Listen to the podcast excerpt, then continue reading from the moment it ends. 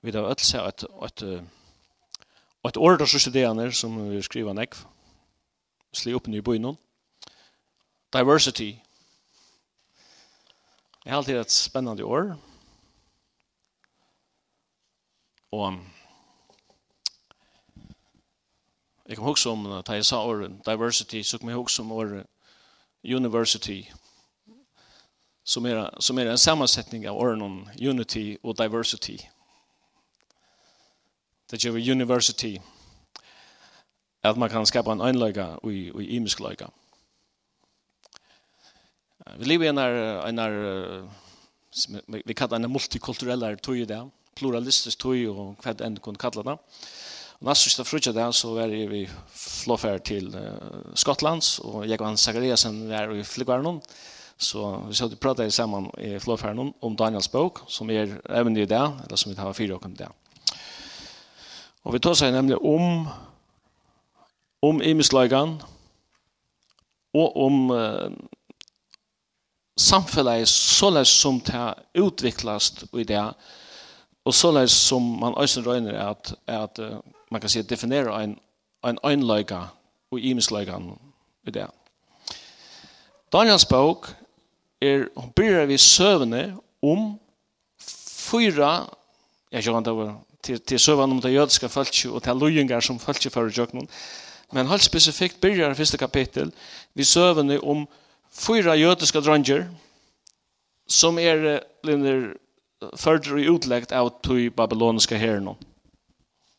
Babylonere hadde herset Jerusalem og heldu det kring seg landje og til endan så fall bojeren og ta for ikke vi mykjende fram babylonar mot jødene. Jødene Det hendi í árunum 546 4 Kristus.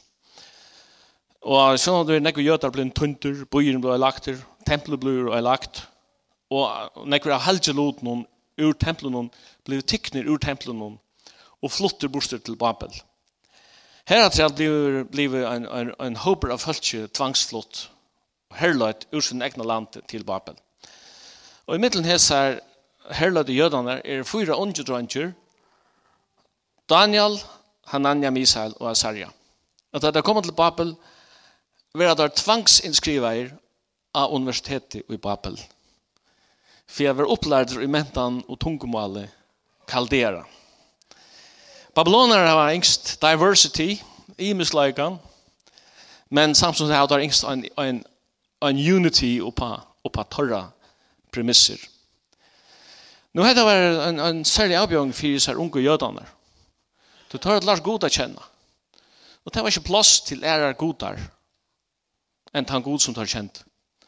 Tar kjent det første på, god er øyn, herren er øyn, og du måst ikke hava ærer godar enn med.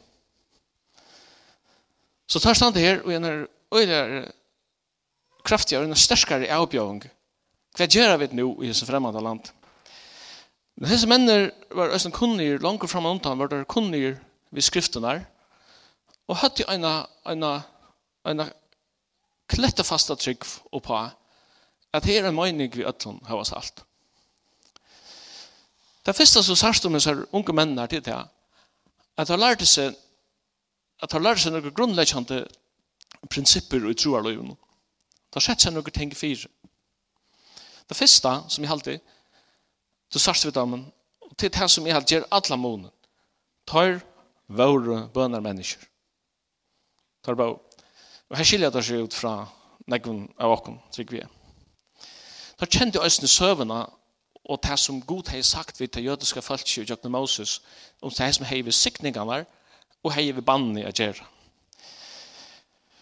I 5. Mosebøk stender 28. kapittel stender med landa så leis at hvis vi bråta sottmåla med meg, sier Herren, så sier god, og ens vi hei glede av å gjøre vel ved tikkun og leda tikkun mettast og nørast, så skal nu Herren ha glede av å få komme til kun, tøyne til kun. Det skal være rikken ur landet noen som du kommer inn i, og som du skal takke av. Herren skal spia til mittel folkesløyene, fra øren enda gjæreren at øren, og her skal du dorske ære godar, som først i to atla fedre tøyne kjento, tre og støyn. Mittel hese folk skal du ångan frihava, og fauter hun skal ångan kvult finna, då Herren skal gjeva dere sjelvande hjärsta, og eie som tæres borster og sal som armaktast. Det er ikke kjellet tespelig lest av. Og så lest hela i god til Moses. 2000 år fra 1500 år, årene sier Jøtan blir tikkene ut. Jeg er sikkert har kjent jeg til. Men tog beter enda det skjer. Jeg stender vi her i kapittel 3. Ta i alt dette her kommer opp til, sikningen og bannene som jeg har lagt fyrir til, og til å til at, at hjertet tog innom, mittlen falskene som Herren godtun for å reka det borste til. Og om så er at du ta av öllum hjertet tog innom, Og allar saltøyne vender vi til herran godtøyne, og høyre rødt hans her, og i øtlån, som er det av djevet her båen, bei to og bøttentøyne, ta skal herren godtøyne, venda lagna tøyne, og vise der nøy, og sauna til saman, atter, fra allum folkene, i herren hevur rydste spjatt i middelen. Og om så tid er rydsten borste, lukk at enda himmelsen skal herren sauna til atter, og færa her etter der. Og øyne kvar, som kjenner at lyde syndi til søvna at det jødiska falsen veit at det er bare fakta, det er hent mer enn fyr i søvna at det israelska falsen. Jeg var i London og i Manchester og Trondheim sammen med nekken åren føringen en konferanse, jeg minns at John White tala i her. Øyla, rævlig for lengt opp i halvfjersen og hver han ta. Ikke så stor armbevegelsene. Men jeg minns bare at, at jeg minns bare hvordan, hvordan han utstrålet en myndelag. Og öllum tog, som han säger, han säger redan er gott, så sier han ensam, vill du ska skilja söv, hvis du ska skilja sövna, manna sövna, så lær du först att skilja och läsa sövna til det jödiska falskene. Det är till hans sövan som all andre söva man skilja till fra. Så säger John White. Og til, til Øysa satt, søvann til det jødiska falskene, hon er så ekstraordinær, hon er så unik på alle måter, at jeg vil se amen til orange at David Ben Gurion tar en for seg til at det er mennesker som kjenner, som kjenner søvende til at jødiske falskene og ikke tror på mirakel, til å ånga sans for realiteten. Når jeg så jødene var kommet til Babylon og skulle opp til est, opp ellast, og kaldera, til babyloneren. Men tar det sett seg fire, at det var noen prinsipper. Det ser ut for meg her som tar, det Jeremias her bøk viss her, tar det kommet til Babel. Ofta när jag läser Bibeln så sitter jag också, hej, jeg bara kan jag oppleve det her, Vi är chasta att det hendt hänt. Så det sucks jeg ofta. Jag råkar inte huske det samme, Det er av hendinger som du kan huske over vidt til. Men det är en, det er en med i skriften som du ångar din behörda missona till profeten Jeremias. Han var kallad för den gradende profeten. Herren kallet han og sendte en ut till sitt folk. Och Gud säger vi han har ikke for å lort efter. Helt spännande. Och enda han så säger han, ja, så tog jag ikke å snacka, så, så, så, så lukker jag bara munnen. Men han säger det att det var som, det var som att det var inte sprangtes innan Uymar. Så han måtte tale. Och så tog han, han ble innan brunn och vad annat han upplevde. Och det är en underligt vis ner. Man, man, man ser profeten där. Att han blir totalt förfiltrad sin samtid. Så kan han några år, hundra år, tvåhundra år. Vad händer? kjatt av ham. Det blir legitimerat. Det blir kanoniserat i jøden. Han betraktar som heilige skrifter. Hvor er det? Tøy at det som tar høttes bort om og sagt, det er ikke ut. Inn, det er ikke man innviklet så. Det er ikke ut. Og Daniel sitter i Babel og studerer skriftene til den gradende profeten og ser til at utleggt av tøyene i Babel. Hun var lengt, hun var profeteret lengt frem av hun tatt. Hun var nesten avmarska til halvfjers år, og det hendte. Og det er, så, det er det så løst at du leser, hvis du gransker søve, sånn, her. Det er ikke til å si det hva for hendt om hundra år. Det er avlågst. Det er ikke part, det er ikke plass for du innenfor, innenfor den naturalistiske hemsmynden. er ikke det for, for så vel. Og han som tror på at han at, at, at det er en god som kan si hva hender om 40-50 år. Han må altså riskere at han, at han fremmer et, slag intellektuelle kjolmår. Og det er ikke så gledelig. Jeg har gått troblagen. Jeg kan bare tenke døme om til dem. Matteus er evangeliet, det har av bibelgranskeren, eller av kritikeren sagt, han må være skrivet at han er, er halvfjers. Grunden er han at Jesus sier jo vi sine lærersvenner at Jerusalem før å være lagt i øye. Og så han sier, når grønlig at det hender jo er en halvfjers. Og du må da være skrivet han er, og annars sier forfatteren ikke kunne ha lagt Jesus i hans åren i munnen. Det er at nægger kan vite nægger frem og undan, det er, det er, det er slett ikke en møveleidje som er tidsen seriøst i betraktning. Og Daniels bok er en bok som skriver i Babel om år 5604 Kristus, og som omtaler ting som hendte under det babylonske rydgjene. Det hendte han omtaler ting som hendte at han hadde Babylon, til den persiske rydgjene teker vi lukket som kappat babylonerne. Og han tar seg eisen til som hendte 200 år og 300 år at han er Daniel ved deier. Han tar seg om det griska veldig, til Alexander til Stora, og eisen hvordan det er for å gjenge til grunn Han tar seg om Makkabera togene til jødene 200-300 år fyrir Kristus Allt det där tar Daniel om. Och granskare säger hallå alltså. Jag läser en, en professor, en dansk professor i, i teologi säger han använder förutsägelsens fortellekonst. Det var så att det var en eller annan som har sett om, om år 184 krist och skriva till tingen gänga helt upp till herdian.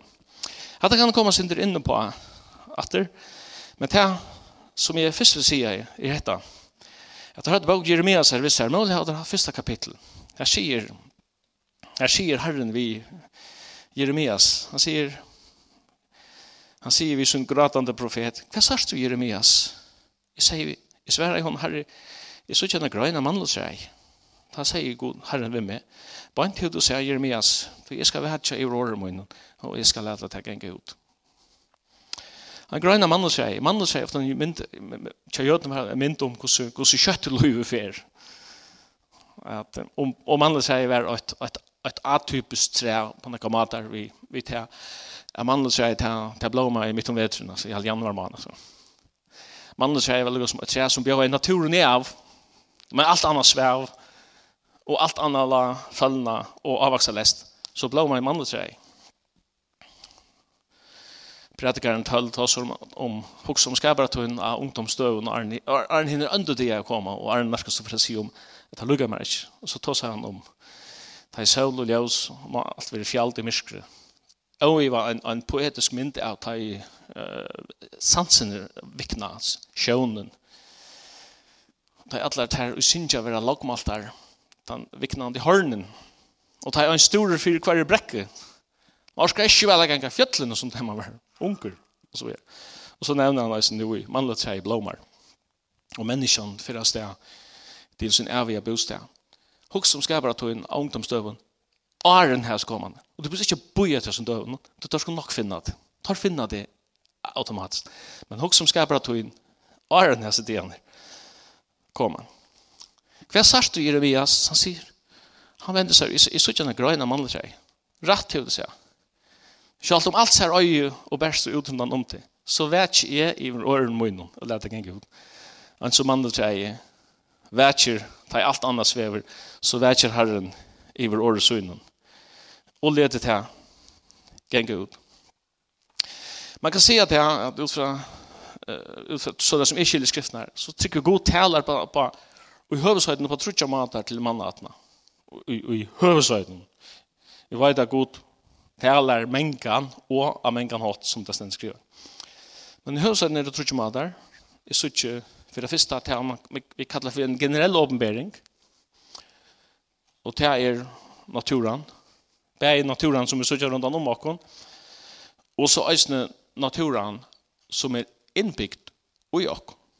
Hon er en vittnesbord om hver god er. Salmon lesa vid at himlan er kundgjera dårdgods og at kvalve byr bo om hantavers kansara. Rombrev 8 sier, alt, alt det som vitast kan om god ligger menneskje åpenbært. Vysen av menn sier at det, at det finnes iver hundra såkallar konstantar ut i funt tunaja og innstillaja universum. Det er nesten som at du skal skru på, på en iver hundra knøttar og justera der nästan till en millimeter nøyaktighet. Og vi spär en av dem där över Lucenbrand, så det ska inte kunna bo i sig kloden vi bygger i det. Rent fysiskt. Og ta funnet hun i universet, røysen er en vittnesbord om at det er en skapar. Men det finns ikke bare en generell eller en åpenbering om hvor god det er. Det finnes også en sånn nevnt bøk, en sånn nevnt båskapsåpenbering. Det god sendte profetene som taler i året og i tøyene. Og her taler jeg om øyne i utgjøkken skriftene, og det var just dette skriftene som du hadde visst her til forhold til, til Babylon, jødene. Og så til tredje og til sørst, til det god taler i djøkken inkarnasjonene, at i en avvis en tøyerskøy og i mannasøvn, at avvis tøyspunkt i mannasøvn, ble et menneske født inn i hendan høym, som er god åpenbærer og i halte og han fødde sonsun, hinn frumbarna, og han røyva i han, og leie han og gjennom kroppen. Det var god inkarnerover, åpenberaver og gjennom menneska. Så det er trimen og i høvesøyden, det er trutje matane som du sier god åpenbera seg oppa. Men spurningen er, hva, hva kunde hva skulle så hisse vimmen til Daniel skulle det ikke opprøyse i Babel? Han tar ikke hørt det. Var totalt lojaler ut i babyloniska ut i babyloniska mentan som det har varit i. Och kanske förstilla där att babylonerna börjar att prata med dessa unga männer. Då säger vi en, hur så det du? Jag heter Daniel. Vad betyder Daniel? Det betyder gode domar. Nå? Det var det stått litt, sier, sier babylonerna. Vi har omringat ikon her i Jerusalem, vi tar på byen. Og vi kjørte enda på innom, og vi, vi herløyte jødene her. Det er jo en livende vittnesbord om at godene i Babel er sterkere enn goder Israels. Jeg hadde ikke skille med det Daniel sagt. Det gode dere er ikke en god sånne som tid og umynda deg. Nå lukka mykje, god samtalen enn i færen, men Babylonene er utgjør det gjør hun nytt navn. Han slapp ikke øyda Daniel Møyr. Han fikk navnet Belsasar, som merker hushaldare til godnån Bell. Bell en babylonisk god. Et nytt spjalter, Jesuel, heter ditt navn fram. Og det er nøyde krenkan for en jød, at for jødar var navn ikke bare et navn. Navn var en parst av tunne identitet, det sier som synder om hver du erst. Og det sier jeg synder om tunne, det sier alt om tunne, ut ut Guds forhold. God er domar, jo herren er domar, men nu er han blitt en hushaldare, tja god noen bed. Babylon kunde släppa sätta akkurat etikett av ham som de ville Men Babylon fikk ikke lov til å brøyta til som er innan ugen. Det sier bare. Det sier bogen. Han åtte en vin som er Hanania. Hanania seg Jave at Herren er nøyryk. Og det er godt at man sier, først til å oppleve at gode damer, at du så kan møte Hanania at Herren er nøyryk. At det er en miskunn som stod i djørv opp og møte domene. Men han fikk helst løyve til å behalda sitt navn. Babylonerne gav navnet Sadrak, oppkallet etter mannagoden om. Tar var ju astro, det ska ju astrologierna och det ska himmelligan Babylonen. Annars en vinnare til at som er Misael og så betyder hver är som god att ingen kan samarbetas vi god. Jag elsker den enska sanningen. No one understands like Jesus. He's a friend beyond compare. Ingen er som god. Da gav vi noen navnet Mesak som er kjør. hver er som Sakko? av babylonske koder. Og den sørste vinneren er at Asarja, som er kjør Herren hjelper. Han fikk navnet Ebeneko, som er kjør tæneren kjør Neko, atter en god. Babylon vil de hava unity in diversity. Da skulle integrerast og akklimatiserast til det babylonska mentan. Det er nesten også om i akkurat samtidig. Ja pratar ju i flåfärden om vi gick om det. Det kan godt være at den okkara vestlige mentene det at dyrkar øyne diversity, eller imusløyka. Men øyne som imusløykan suger er et øyne att et, et, et slag av politiska korrekthet som vekser fram. Vet det. Og i tog korrekthet er ikke nek plass for imusløyka.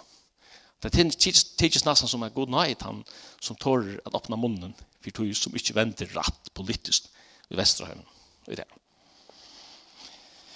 Det er ganske sint ekvisligt å si det, men det er man så standa for min egen råk.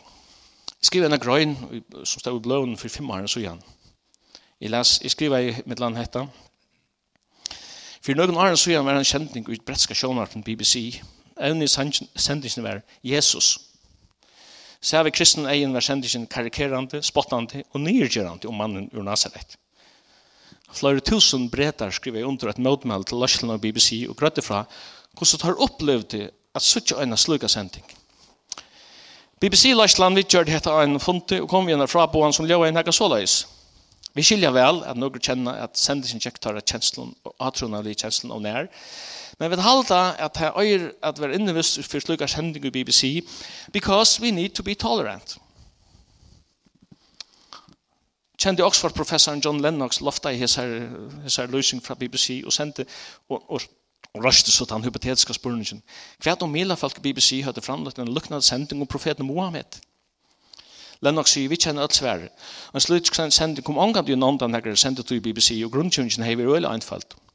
We need to be tolerant. Vi kunne så stadfästa at det bretske sjåmanprasen i profeten ur Mekka friaver, grunnt av tolsemi, og profeten ur Nazaret i frileiser, grunnt av tolsemi. Året tålsemi hever sås at brett høytning samarbore vi til definisjon som vi finner i halvtrusjer og gamle årebøk. Og det er året tamt tilkje utan egen verlig en tøtning, men er spjaltig for det som venter politisk ratt. Jeg bretar er varne vi hos Mohammed vil omrøter og Milon i velskiljande. Hei BBC vidgjørt, muslimska profeten av samme som der vidgjørt Nazareren heter kanskje kosta nyrbrenda kjentestover og sjalmorsbomber.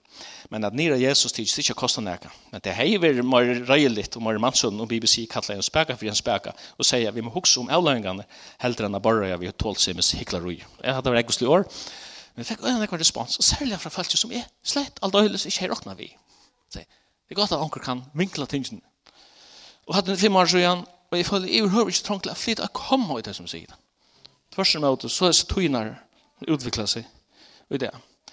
Det gleder jeg vi blir sånn her, hvem mannen ikke hadde annet her til. Jeg kjølte om Babylon at jeg omskola der, brøyde der. Så fikk jeg ikke brøtt der, men jeg tar brøtt til Babel. Og det er just det som hender. Hva er det hemmeligheten? Hva er det likjelen? Og gjøtlens nere. Det er også en nekk man kunne sagt med det her, Og til nek man kan si om behovsene, og til er, det kan man bruke tøymer om.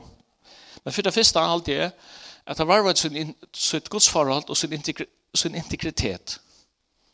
Det var, det var, det var røyelig og ærlig. Og som jeg nevnte i begynnelsen vi, det var bønne mennesker. Det var, det var, det var halv av sitt liv til bøn.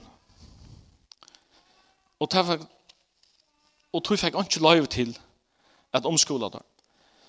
Lichelen tar var trofaster og tar var avhaltant. Og Daniel fikk åpenberingar om det som kom han skulle og som hendte 17. Jeg får lukke inn på nega treat i samband med Daniels bok. Som jeg nevnte har kritikerne sagt at Bautzen skriver om er 128 for Krist er tog at han omtaler tilbord som fører fram men 400-500 år at han har at Daniel var, var deier. Og det er det. Men hendte nægget særlig når du skjer i fjördu, når vi i kumran, at det er så deihavsrotlene blir funnet av noen beduiner, Og han jo ju stein i den grotte og han hörde också knusses för han hittade att han sa gamla gamla papyrusrotler og gamla gamla skrifter.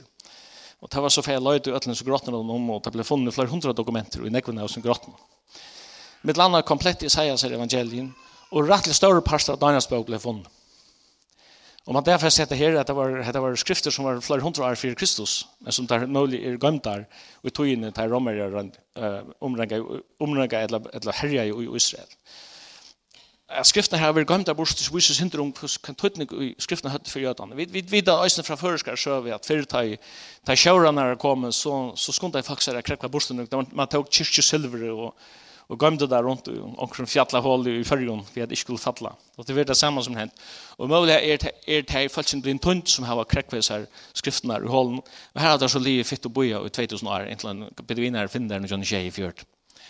Men også for kan jag finna man nästan Daniels bøk og mittel ett man finner mittel första är 3 og 4 Mosebok og Salomon och profeterna och fullkomna Isaias bøk. Mittel ett gamla skrifter. Finner du en bøk som skriver 1808 visst ska tycka bibelkritiker.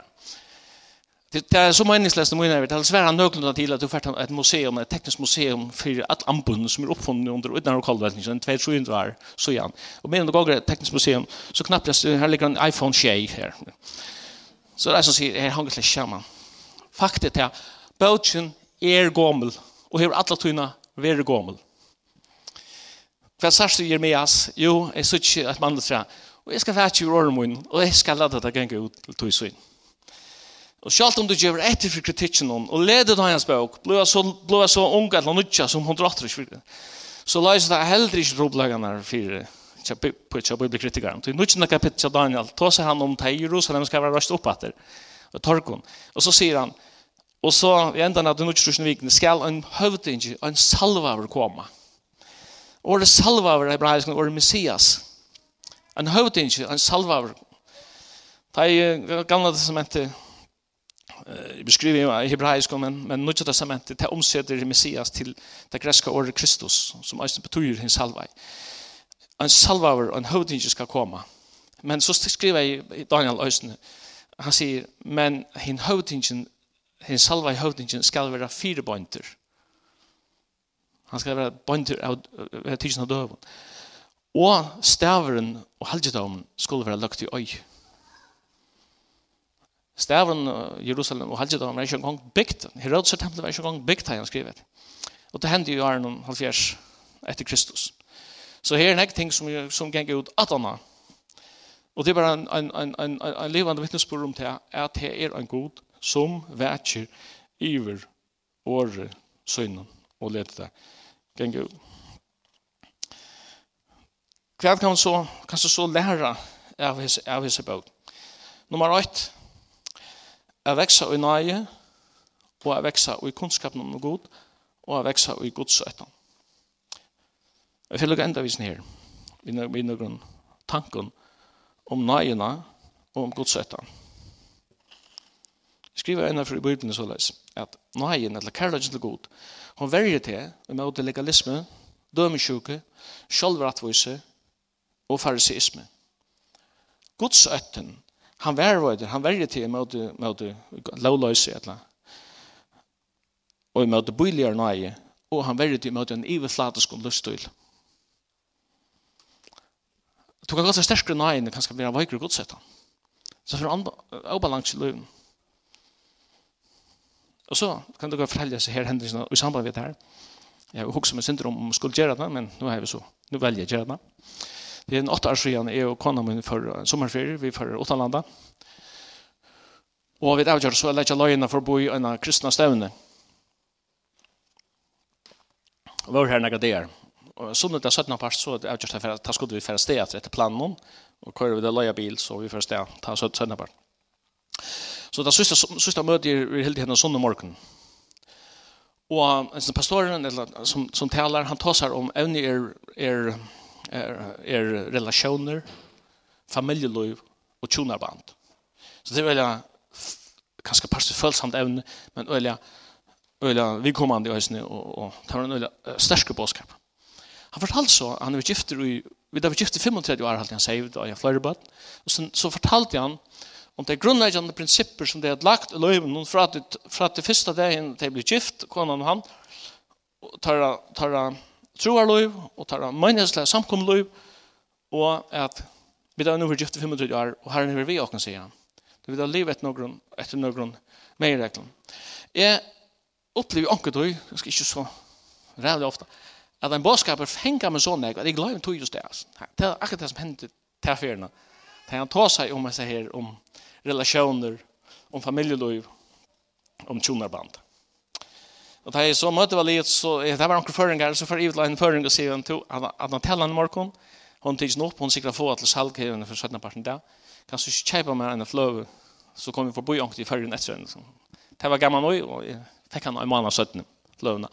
Hun la i bilen noen, og jeg lurte en tudje for etter henne, til talen, kjølt mye omfram til hver sted, til hun taler med helt. Og etter et hånd noen år siden. Så hørte jeg akkur gamle om akkurat som var kjett, og jeg først så inn i Kanada sånn, ikke? For en 2-3 minutter siden, ta fjøret som er den, som helt talene, fra konesynet. At han er fjøret år tjonaban, han har haft forhold til en ære og et omløy et år. Og jeg så avgjørt at hette hetta løv tømte han ikke mer, dobbelt hetta dobbelt løv, så han bare spalte korsen ut, skrev jeg brev til samkomna, og ba om ombering for at, at han hei uh, valgte ham så stora sorg som han hei. Og jeg tog Og i to situasjonene så sier jeg at jeg, jeg ble tvatter i henne som tenkeboks, som man kan si. Og jeg følte meg selv, altså. Kvært venter opp og ned i øtten hos ned, Roleggene ned. Hva skal jeg halte, og hva skal jeg møyne om alt det her? Og jeg har omgang lyst til løven, så igjen. Det er, det sier. Men jeg har tidslig ikke, det har gått til ferie, jeg vet ikke om jeg sier, men jeg sier bare det her. Jeg har så ikke lyst til etter en så igjen, Men la meg si et vittig at det kommer til godset. Du kan ha den kunnskap som du vil.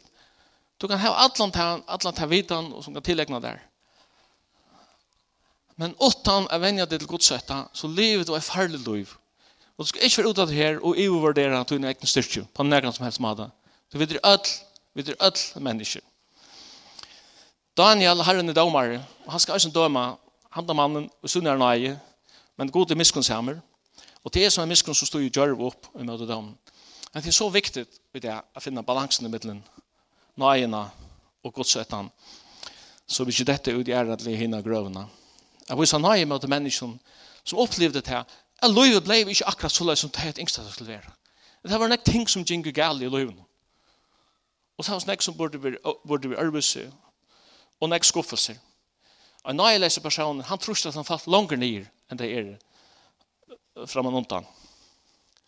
Men en människa som lever utan Guds ätta till lever i vanta kjalt. Och det stender i Timotheus Braun, at Guds ätten är nyttelig til allt och han hever lyfter bäge för detta liv her, och östen för att komma till livet.